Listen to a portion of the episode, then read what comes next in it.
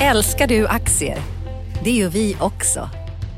Sea Worldwide Asset Management är en av Nordens största oberoende aktiva aktieförvaltare och har samlad kunskap sedan 1986.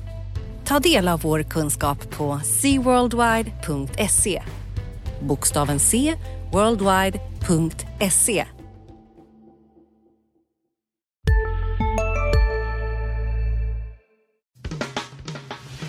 Analyspodden från Dagens Industri. Hej allihopa och välkommen till veckans avsnitt av eh, Dagens Industris analyspodd denna påskvecka och skärtorsdag och dessutom första april.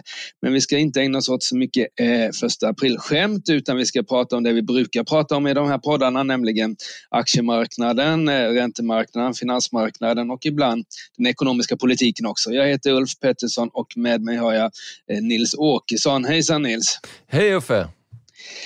Hur är det med dig och vad tycker du vi ska prata om eh, denna vecka från ditt område? Du bevakar ju mest eh, makrofrågorna. Jo tack, jag ser fram emot eh, påsk. Men eh, först tycker jag att vi ska avhandla självklart eh, president Joe Bidens nya jättepaket. Amerikansk finanspolitik dundrar på som aldrig förr. Och vi ska också avhandla eh, dollarn som har överraskat eh, de allra flesta förståsigpåare i år genom att eh, stärkas ordentligt. Och även då eh, baksidan av det, andra sidan av myntet, är att eh, kronan har eh, försvagats efter att ha haft ett väldigt eh, starkt år eh, 2020. Just det. Mm. Ja, och på börsen då Uffe, eh, som du håller järnkoll på, vad tycker du vi ska prata om där? Ja, vi har ju haft en, en, en viktig resultatrapport här från eh, klädjätten H&M. Den bör vi väl avhandla lite om. Eh, den var ju kanske lite extra intressant med tanke på de problem bolaget har haft i Kina dessutom. Och sen så har vi haft en, en eh, riktig eh, hedgefondsmäll i USA. Eh, Bill Wang heter förvaltaren där och Archelon eller vad man ska uttala det. Min, min latinska är inte så god. Men hur det, hur det har kommit sig och det, hur det kan påverka framöver är väl också något jag tycker vi ska prata om. Och sen så eh, har vi ju då fått äntligen ett avslut i, i, i Castellum där, där Rutger Arnhult har, har blivit styrelseordförande och sen så har han dessutom hunnit med att slå samman två av sina stora fastighetsbolag. Så det är väl kanske lite det som, det som vi ska eh, ägna börs, börsdelen av tycker jag. Mm. Men ska vi börja borta hos dig? Eh, du pratade om Biden eh, igår jo. och det är en massa pengar han ska stimulera ekonomin med. Berätta och, och varför han gör det och vad det kan få för påverkan och om det är rätt att göra så som nytillsatt eh, president. Ja, det har ju varit mycket USA-prat i den här podden känns det som under den här vårvintern. Men det är ju för att det är där det, är där det händer och allting är mycket större i Amerika, som man brukar säga. Eh, alldeles nyss känns det som så pratade vi om hur Joe Biden eh, fick igenom i kongressen då det här coronakrispaketet på 1900 miljarder dollar, motsvarande nästan 10 procent av BNP. Eh, nu kommer alltså ett ännu större paket och, som presenteras i två steg, programmet Build Back Better. Eh, men där coronapaketet framförallt var en kickstart för ekonomin med direkta kontantcheckar till hushållen här och nu ehm, så ska det nya paketet då sträcka sig över åtta års tid. Eh, en avgörande skillnad är också att eh, det nya paketet ska finansieras med skattehöjningar Ehm, det här eh, infrastrukturpaketet då vi ska prata om, eh, det ska närmare bestämt eh, finansieras med höjd bolagsskatt och färre möjligheter att använda sig av skatteparadis. Det var alltså igår onsdag när vi spelade in det här som presidenten presenterade då den första delen, infrastrukturdelen av det här nya paketet. Det är mycket siffror nu här men det handlar alltså om ytterligare då 2000 miljarder dollar som ska gå till framförallt fysisk infrastruktur eh, och digital infrastruktur, eh, inklusive klimatomställning och laddinfrastruktur för elbilar. En jättesatsning på det. Eh, och allt det här ska gynna amerikanska jobb och amerikansk industri är det tänkt. Då. Biden sa igår då i ett tal i, på hemmaplan i, i i Pennsylvania att eh, det här är en once in a generation spending plan. Eh, det, eh, det, låter något det. Ja, eh, det blir, de här pengarna det blir omkring 1 procent av BNP varje år fram till 2028 eller så. Jag roade mig med att jämföra med hur det skulle se ut i svenska mått. Då. Man kan tänka sig ungefär extra 50 miljarder kronor per år till vägar och broar. Eller att vi i Sverige varje år skulle dra igång ungefär tre stycken jätteprojekt som Nya Slussen i Stockholm. Ehm, det, det är den eh, digniteten då. Och det är, är det så här är det så här det funkar i USA, att man liksom inte, man gör ingenting på, på många, många år och så kommer det ett sånt här jätteprojekt? Eller är det, är det, är det är det behövligt eller är det onödiga pengar och vad kommer det få för ekonomiska konsekvenser? Och vi, vi har ju liksom en, en stigande inflation och kommer mm. inte det här liksom driva på inflationen ännu mer? Eh, hur, vad, är det, vad, är det för, vad, är det för, vad ger det här programmet för möjligheter och vad ger det för risker eh, som du ser det? Finns det några mm. risker? Ja, eh, man, kan ju börja med att konstatera att redan i valrörelsen då inför Eh, Eh, att eh, Donald Trump skulle eh, väljas så var det här en, en stor fråga och Donald Trump hade ju väldigt fagra löften om att satsa på infrastruktur som det inte blev någonting av. Man har ju pratat alltså i, i fyra år, säkert åtta år om det här att eftersatta fysiska infrastrukturen. Det finns många hål att fylla helt enkelt. Eh, så det, det, är nog okontroversiellt och det är väldigt, eh, finns en samsyn eh, mellan demokrater och republikaner om den saken. Sen är det ju då eh, självklart så att det här reser eh, har ju rest eh, eh, varningar om att det här skulle blåsa på inflationen eftersom det inte är det första paketet då, utan det, det är ju liksom en ett steg i en rad av de här massiva satsningarna som kommer väldigt mycket på en gång. Det är ju ett eh, klassiskt recept för att, att, att hetta upp och, och, skapa brister och flaskhalsar i, i ekonomin. Mm. Eh, man kan ju räkna med att eh, när man ska bygga så här mycket på en gång så kommer det ju eh, sätta ytterligare uppåt press på råvarupriser eh, globalt eh, till exempel. Mm. Um, och sen, jag ska bara säga att steg två i den här Build Back Better-planen då kommer eh, redan under april är det utlovat. Då. Det är ytterligare tusen miljarder dollar och det ska fokusera på hälsovård, skola och lättnader för barnfamiljer. Och där föreslås också då en skattehöjning som finansiering och då när infrastrukturen ska finansieras med högre bolagsskatt så är det här då en skattehöjning för höginkomsttagare man tänker sig. Men allt det här ska alltså passera kongressen där Demokraterna har lövtunn majoritet så att eh, man måste få med sig helst några eh, republikaner och i alla fall då de mest konservativa demokraterna. Och det, det, då är det det här med skattehöjningar och dessutom då så kommer det ju att eh, öka budgetunderskottet eh, i, i närtid eh, enormt och det, det finns ju många kongressledamöter som, som ogillar det.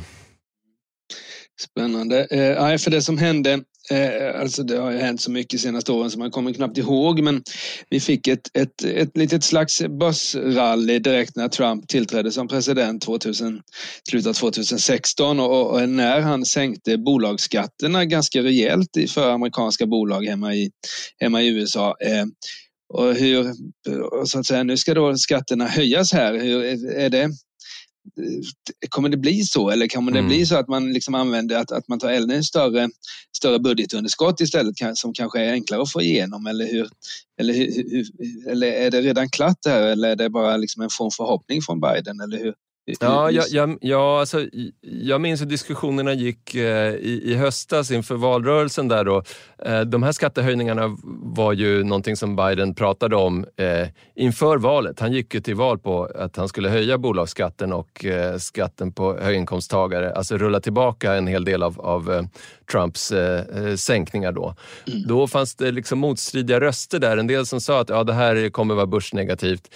Men också många som redan då sa att ja, men det, det här, eftersom eh, Biden står för en sån expansiv politik, alltså de här skattehöjningarna kommer gå till sådana stora satsningar som driver på efterfrågan, så är det inte helt säkert att det är netto negativt för, för börsen. Mm. Och det återstår väl att se. Dels då hur mycket skattehöjningar det blir i slutändan och, och hur stora paketen blir, vad balansen blir där. Eh, men hur, eh, marknaden tar emot det här. Men det är inte helt eh, entydigt eh, börsnegativt faktiskt. Nej, nej, det är klart att det skapar en enorm efterfrågan. Och vad är det man förväntar sig nu? En BNP-tillväxt i USA på 5-6 procent någonting? Det bästa ja, sedan över tidigt 6 procent. Över 6 procent, ja. Säger ju Fed och många storbanker säger har ju prognoser uppåt 7 procent. Så att det, det är bra drag alltså. Ja, precis. Det, det, jag tror det är väl tidigt 80-tal man får gå tillbaka till egentligen för att hitta något, något liknande tror jag. Jag har sett eh, jämförelser med 1984 när Ronald Reagan var, var president. Eh, då var man på de här, eh, i den här takten. Då. Precis. Spännande, men du hade mer att prata om också, inte bara USA. Vi har ju haft, eller även om det också är lite USA då förstås, vi har haft en, en ganska rejäl kronförsvagning till slut mot, ja. framförallt dollarn men även euron faktiskt. Och den har inte, det har gått sådär. Man tittar nu på, ja nu är, det, nu är den egentligen nere på noll här igen eh, efter dagens försvagning kronan. Annars har den trendmässigt sen årsskiftet försvagats lite grann i stort sett varje dag egentligen, kronan. Och vad, vad beror det där på? Det har gått lite smygande tycker jag. Ja, ja men vi kan börja i den änden och vi landar ändå i dollarn och USA igen. Men kronkursen eh, stärktes ju rejält under helåret 2020, framförallt mot dollarn då. Det var en krona och 15 öre, om jag har räknat rätt här, eh, eh starkare på helåret. Det var ju ett väldigt skakigt år, men, men rejäl, eh, rejält lyft för kronan. Eh, eh, men sen årsskiftet då så har trenden vänt väldigt tydligt. Kronan har fallit tillbaka 50 öre mot dollarn och nästan 20 öre mot euron. Och det är lite svårgreppat det där. huvudspåret bland valutaexperterna är i alla fall att det här bakslaget för kronan hittills i år inte håller i sig. kronan kommer att rycka upp sig igen innan året är slut man ser att Sverige sticker ut. Det är det gamla vanliga fundamentargumenten då egentligen att vi har ju starka statsfinanser och mildare coronakris eh, för ekonomin jämfört med de flesta länder i Europa. Då. Ehm, stalltipset är att eurokursen ska ner till strax under 10 eh, från dagens 10,25 och att dollarn ska ner mot 8 eh, från dagens 8,75 innan året är slut. Då. Men då finns det ju två stora risker här eh, som, som skulle peka i eh, att kronan faktiskt, eh, kronans försvagning kanske fortsätter istället. Och framförallt, eller en risk ska jag säga, eh, är ju att Riksbanken börjar andas minusränta igen om inflationen blir för låg när den väntas falla tillbaka i höst. Eh, man kan konstatera att Riksbanken inte utesluter det på något sätt. Man håller ju den eh, dörren öppen, eh, även om man inte vill prata så mycket om den just nu. Eh, men, eh, och det skulle vara kronnegativt då. Då skulle vi eh, en, bli en udda fågel igen i, i centralbankssammanhang. Nu har ju väldigt många centralbanker internationellt samlats kring nollan och, och, mm. och Sverige också. Då. Men den andra och större risken egentligen, det har att göra med dollarn och allt som Joe Biden hittar på i USA. Om dollarn fortsätter att stärkas mot omvärlden är det generellt negativt för kronan. Kronan brukar tappa även mot andra valutor när dollarn går starkare. Mm. Och, och, det för mig in då eh, på hur dollarn egentligen har rört sig. Alltså, den tickar ju bara på uppåt här. Eh, och det var ganska få som trodde det bara för några månader sedan. Mm. Eh, finansproffsen är just nu ganska oense om vart dollarn ska ta vägen. Den föll ordentligt i fjol då och mm. då, det var ju Ja, centralbanken Fed sänkte räntan till noll där för att parera coronavåren. Och eh, globalt hade vi ett enormt uppsving i riskaptit på marknaderna. Då, va? Det var den här enorma börsrallyt och det är ju är tydliga dollarnegativa drivkrafter. Eh, men någon gång över jul och nyår så bestämde sig marknaden för att dollarn borde vända upp istället det var ganska precis där vid årsskiftet. Eh, Men är, är inte det tillväxtdrivet då att man så att säga började märka då att, eh, att USA lite snabbare in i coronavaccinering kommer ge en väldigt stark, stark eh, BNP-tillväxt, en, en, stark tillväxt. Är det, är det det som kan vara, kan vara orsaken till att, till att det har gått som det gått eller vad tror du? Jo, nej men USA såg ju där någonstans i början på året ut att komma tillbaka starkare och snabbare än Europa och den klyftan har ju bara blivit tydligare och, och, och bekräftats vad månaderna har gått här. Och USAs marknadsräntor har ju stigit snabbt, det har vi pratat om många gånger i, i den här podden. Mm. Eh, men det är lite frågan om vilka drivkrafter som, som eh, marknaden väljer att, att, gå på. För riskaptiten har ju också varit eh, enorm i, i början på året här. Ehm, men det har, har, spelat mindre roll i sammanhanget då. Men det är det här att eh, det, det, USAs enorma försprång här, det, det ger ut, utväxling i, i dollarkursen uppenbarligen. Men då, jaha, Joe Bidens alla jättepaket skapar ju jättestora dubbla underskott i statsfinanser och i handelsbalansen. Eh, det båda inte gott för dollarn och förresten har ju Fed eh, envist lovat att styrräntan ska förbli noll ett bra tag. Så säger de som spår att dollarn ändå de, kan, de vill inte riktigt köpa det här utan ser de här första tre månaderna som ett litet eh, hack i kurvan bara utan att dollarn ska fortsätta neråt. Mm. Det är vi får se. Det är, vad heter det? The jury is out. Nej, men visst är det så. Det är, ett, det är en, en, ganska oväntad uppgång eh, eh, eh, faktiskt. Och, men som sagt var, den kan fortsätta. Det är som du har redogjort för bra här Nils, olika mm. storheter som verkar i olika riktningar. Vi får väl se framåt våren vem det är som vinner, om vi får en, ett nedställ på, på dollarn igen ner mot 8 eller om vi ska gå över, över 9. Eh, men som sagt var, eh, än så länge kommer inte den här eh, kron, kronförsvagningen ge några stora effekter exempelvis på bolagens vinster här. Eh, eh, vi har ju haft, vi har ett år tillbaka haft negativa valutaeffekter på de stora bolagen då i form av att vi hade en hela tiden starkare krona. Nu vänder kronan och blir svagare så då kommer väl det där mildras. Men än så länge har det inte hållit på så länge. Det har hållit på bara ett kvartal här så jag tror inte vi kommer få se några, några jättepositiva valutaeffekter för, för eh, bolagen på, på Stockholmsbörsen.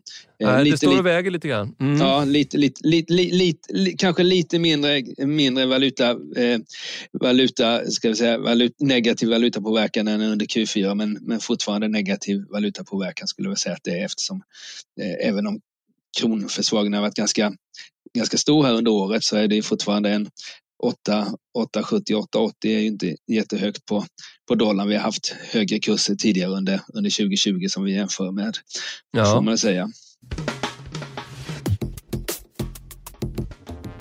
Men Uffe, om vi tittar på eh, hur börserna gick i, i veckan och eh, vad, som, eh, vad som hände där var, vi hade en eh, rapport från H&M mitt i den här Kina-stormen som tog alla rubriker. Ehm, vad kan du berätta om det?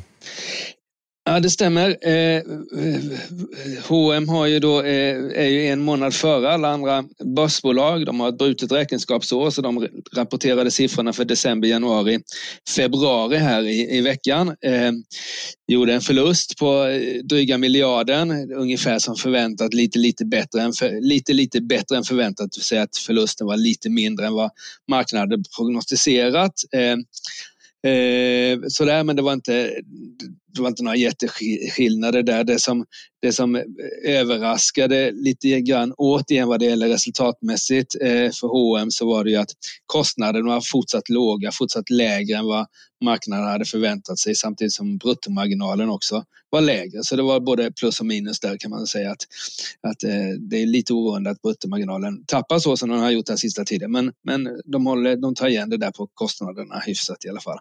Men den stora grejen var ju då eh, inför rapporten, det var ju där Kina där H&M är utsatt för en köpbojkott en, eh, en politisk politiskt sanktionerad köpbojkott i Kina efter att H&M då har, har slutat, eh, slutat köpa in bomull i en eh, region här i Kina där, där en minoritetsbefolkning, uigurerna, sägs, eh, kineserna sägs gå hårt åt dem, eller det gör de väl också.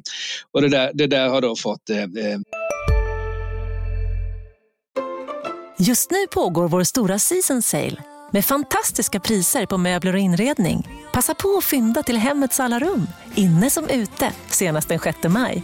Gör dig redo för sommar. Välkommen till Mio. CSRD. Ännu en förkortning som väcker känslor hos företagare. Men lugn, våra rådgivare här på PWC har koll på det som din verksamhet berörs av. Från hållbarhetslösningar och nya regelverk till affärsutveckling och ansvarsfulla AI-strategier. Välkommen till PWC.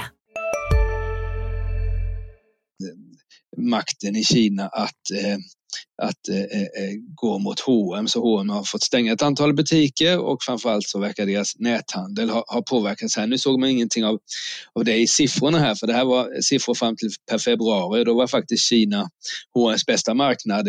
I övrigt så minskade omsättningen men i Kina ökade den faktiskt 20 procent.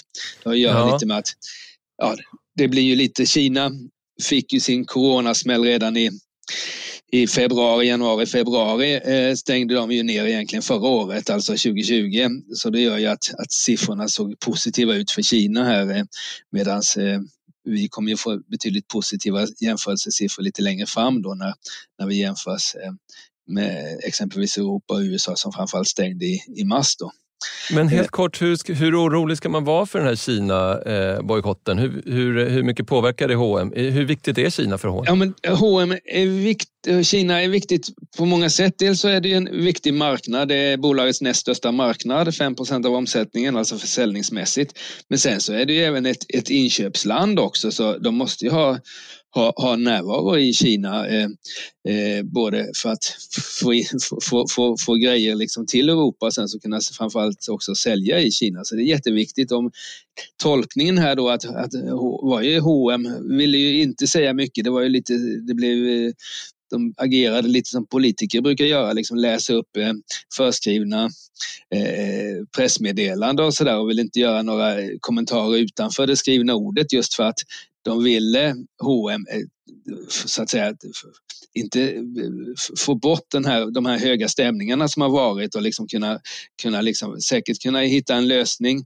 framåt men där, där så att säga ton, tonläget eh, kommer ner lite. Det därför var det så att säga, och det tolkades ju från, från marknadens sida och från andra bedömare att H&M backade lite grann på de här väldigt tuffa uttalanden de gjorde tidigare när de, när de slutade köpa in bomull från eh, eh delar av Kina då. Eh, Eh, så vi får väl se hur det går. Jag tror att H&M H&M vill ju vara och är ju ett sånt där ESG-bolag, alltså hållbarhetsfrågan är ju superviktig för alla börsbolag som vill, som vill ha liksom investerare i sin ägarlista. Men man vill ju också kunna sälja, sälja eh, kläder på alla marknader. Så det där är en, en riktig balansgång, en knivsägg som det gäller att balansera på här och Helena Helmersson valde då att så att säga tona ner det lite. Hon nämnde inte den här regionen vid namn och hon, hon det, det, här, det här pressreleasen var så att säga ett, ett, ett, ett halvt steg tillbaka får man väl ändå ta det som. Och så får vi se huruvida detta kommer, kommer så att säga få någon reaktion i Kina i form av att, att helt plötsligt att, att H&M helt plötsligt försvinner från debatten och butikerna kan öppna igen och sådär. Det, det har vi inte sett än, men det är bara en dag sedan rapporten. Men vi får hålla ögonen på det där kommande veckorna och se hur, hur det utvecklas i Kina för H&M's del. Men det var ett, ett halvt steg tillbaka och mm. aktiemarknaden är ju är ju, är ju väldigt monetärt fokuserad så att ur ett aktiemarknadsperspektiv så, så vill man ju så att säga att H&M ska kunna sälja så mycket som möjligt i Kina egentligen. Eh, och eh, om de lyckas lösa den här problematiken så skulle det ju då gynna aktiekursen. Det är väl så man kan säga. Mm. Vi hade eh, Wall Streets eh, stora eh, snackis i veckan som gick eh, måste ändå vara då den här eh, är det en hedgefond, det här Archegos Capital, eh, som Capital. skakade om? Just det, det där är ju det är väldigt, fortfarande är väldigt mycket oklart. Liksom. Det var ju ingen som visste att, att, att att den här personen skulle kunna förlora så mycket pengar och orsaka vinstvarningar för ett, en handfull stora investmentbanker. Eh, det skrivs ju att det är ett slags family offices, alltså då skulle det kunna vara eh, Bill Wangs privata pengar, framförallt kanske familjen också, men inte så mycket externa investerare och man har ju inte hört än att det finns några investerare i den här eh, som kallas hedgefonden som har förlorat pengar utan det verkar ju vara privata pengar som har, som har försvunnit här. Och de har ju då, det är ju... Berätta vad, som, vad, vad var det som hände egentligen?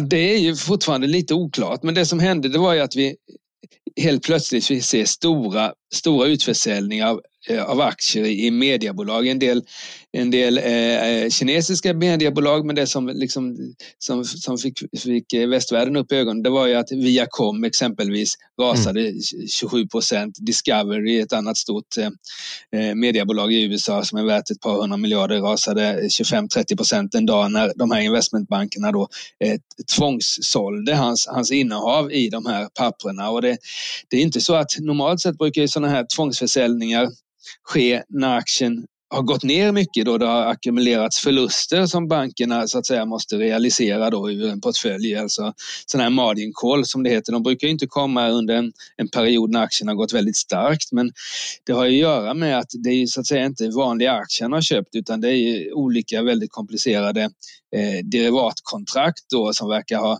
utlöst det här med olika banker. Och eh, vad jag förstår så försökte då den här Bill Wang som det rör då eh, ha ett möte med eh, alla sina lån, långivare.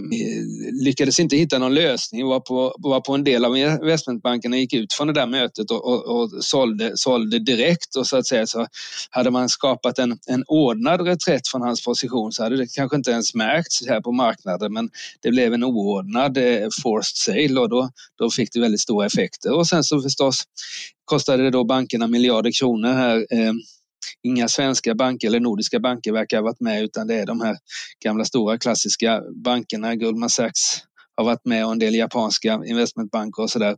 Eh, och då eh, när det blev en oordnad reträtt från en sån där position så, så, så, så, blev det en stor smäll. Och vi får väl se, frågan som är ute nu det är om det här var en engångshändelse eller om det finns andra sådana här, eh, såna här bomber eh, dolda men som kommer upp till ytan och eh, eh det är inte lätt att sitta här och, och, och ha någon göra någon bedömning på det, men det man kan säga är att i normalt fall så borde det inte finnas mycket dolda förluster med tanke på hur bra börsen har gått och hur bra obligationsmarknaden har gått fram tills alldeles nyligen här. Det har ju varit eh, räntenedgången har gjort att obligationerna har ökat i värde och även råvaror har stigit i värde. Så normalt sett borde det inte finnas några jobbiga, större jobbiga förluster i alla fall. Men å andra sidan har vi den här faktorn som jag tycker man kanske pratar lite lite om. Det är ju att när Fed och alla andra centralbanker är så otroligt, eh, eh, eh, eh trycker så mycket pengar och har en så väldigt eh, ska vi säga, lös penningpolitik så, så skapar skapa en stress över avkastning. Att, att, att när det är svårt att få avkastning på vett, vettig avkastning på vanliga,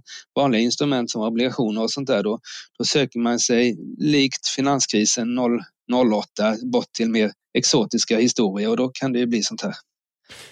Ja, det, kan man se det här som ett, eh, ett uttryck för hur risktagandet hela tiden pressas upp då på Wall Street? Ja, men lite grann. Alltså det som orsakade finanskrisen var ju, eh, ja, det var väl mycket, men, men den utlösande faktorn var ju eh, eh bolånemarknaden i USA där man hade då hittat på eh, olika instrument för att skapa en, en, en, en positiv avkastning genom att blanda in högriskbolån eh, med lågriskbolån så ingen visste riktigt vad det var för lån man investerade i till slut. Och det är klart att sånt där gjorde man ju för att få någon slags avkastning på, på kapitalet. Eh, och ett problem som orsakade finanskrisen som jag ser det, det var ju att riskpremien blev alldeles för låg liksom på vanliga investeringar. Då var man tvungen att gå ut på riskskalan för att få någon slags avkastning och det kanske är det som vi ser nu här också, de här stigande tillgångspriserna och det gör att avkastningskravet går ner hela tiden och, och om du vill ha lite mer avkastning än, än normalt då, då får du kanske hitta på sådana här stökiga grejer som Bill Wang verkar ha hittat på. Då. Om vi säger så här, om börsen börjar tappa fart och eh, tappa li, lite höjd, eh, kan det liksom komma fram eh, fler eh, positioner då som är högt belånade som, som eh, kan ställa till stökigheter? Det skulle jag tro att, att får, vi ett, får vi ett fall så skulle det kunna dyka upp sånt här eftersom så att säga att man har då höjt, höjt ska vi säga risk, risknivån i papperna i takt med de låga räntorna lite grann. Så, det, så skulle det kunna vara. Men det är klart att det krävs ju det krävs lite mer. Vi har ju en, en, väldigt, en väldigt god utveckling bakom oss och det finns ju så att säga samlat i ladorna. Men visst, visst är det så. Det är väl det som är en, en problematik som jag tycker att man inte, kanske inte pratar tillräckligt om att, att med nollränta så folk nöjer sig ju ändå inte med 1% avkastning utan man vill ha lite mer och det blir svårare så att säga när, när riskpremien hela tiden sjunker. Mm.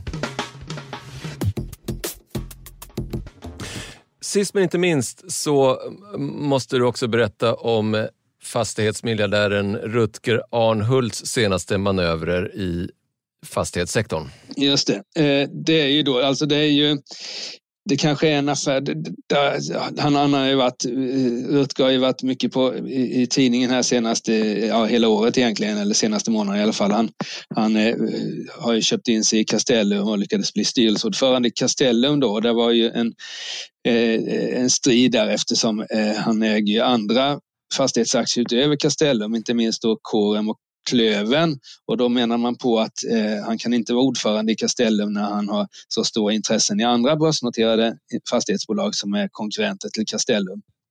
Och då tyckte folk att han, och då försökte han eh, sig på att få igenom eh, att eh, bli eh, ordförande i Castellum genom att då eh, lämna Corem och Klöven. Eh, men eh, ja, in, in, inte som aktieägare utan som ska vi säga, vd och, och styrelse, styrelseledamot. Eh, men nu visar det sig då efter att han har blivit styrelseordförande i Castellum, det han gör då det är att han slår samman Klöven och Kåren till ett stort bolag. Eh, och det, det kan man ju förstå för det är säkert ett större bolag får lägre, eh, det är lättare att liksom hantera ett bolag än två bolag och ett stort bolag får lite lägre lånekostnad och har möjlighet att göra lite större affärer och sådär. Så det var ju var logiskt.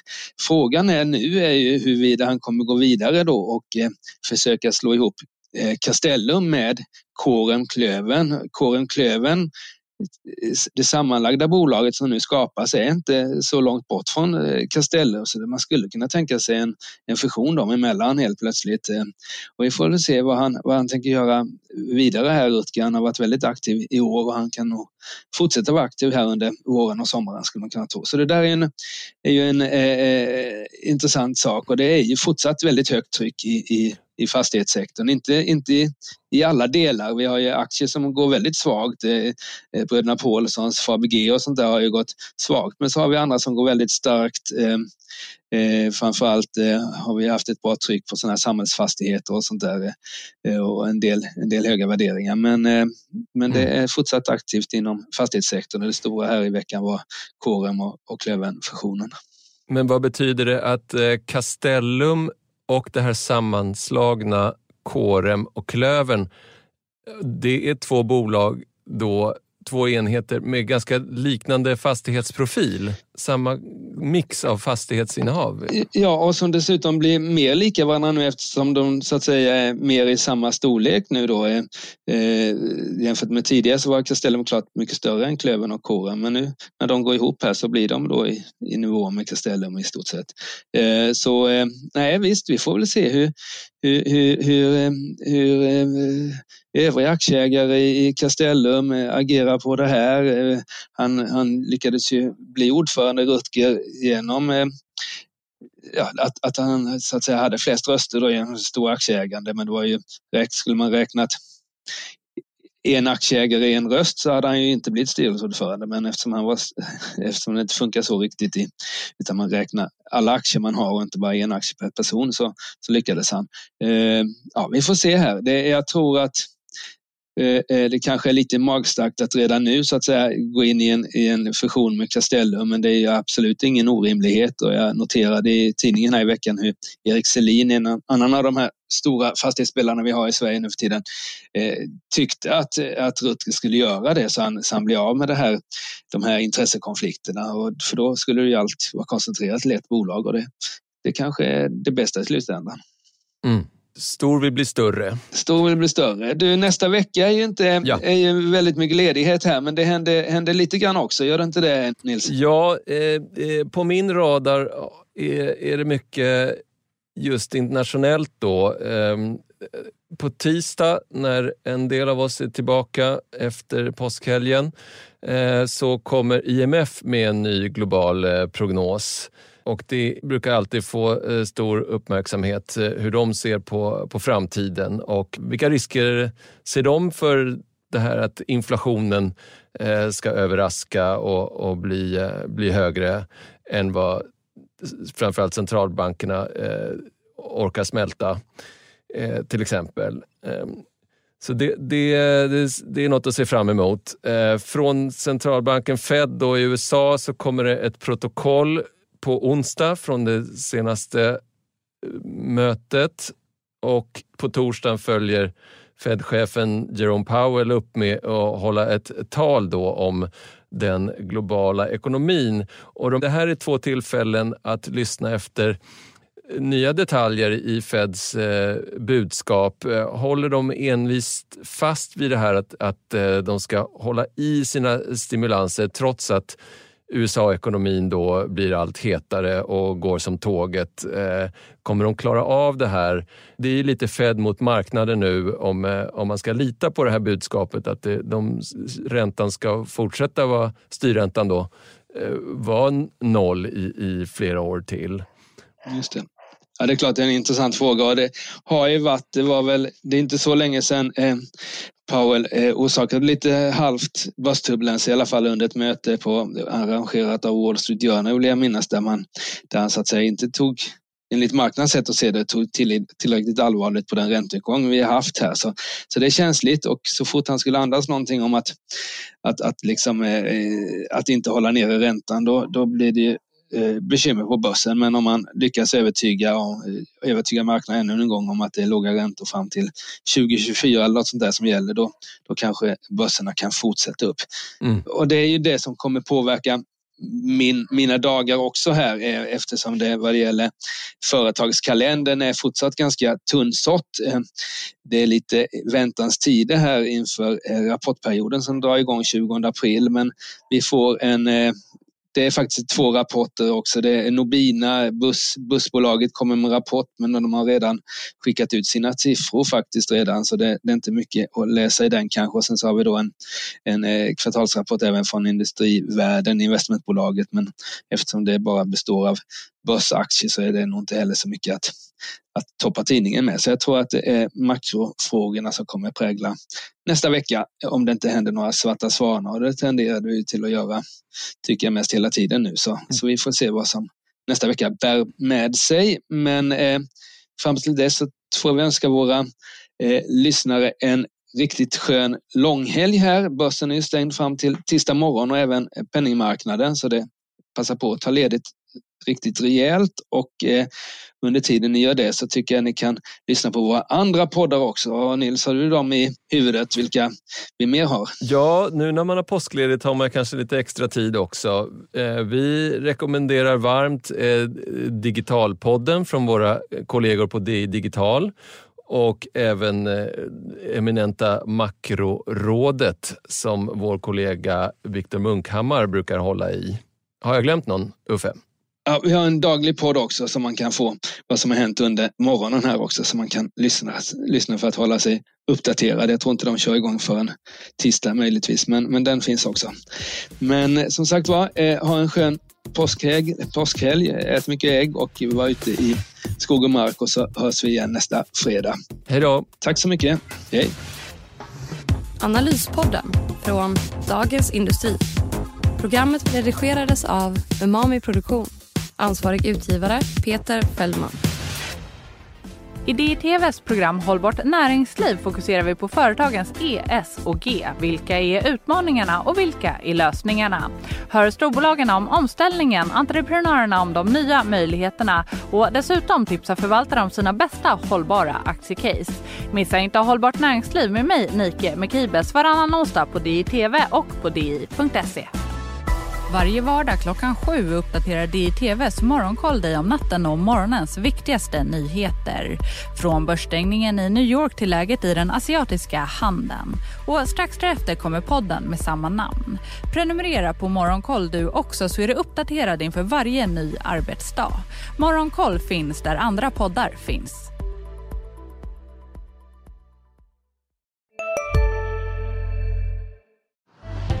Älskar du aktier? Det gör vi också. Sea Worldwide Asset Management är en av Nordens största oberoende aktiva aktieförvaltare och har samlad kunskap sedan 1986. Ta del av vår kunskap på seaworldwide.se. Bokstaven C, worldwide.se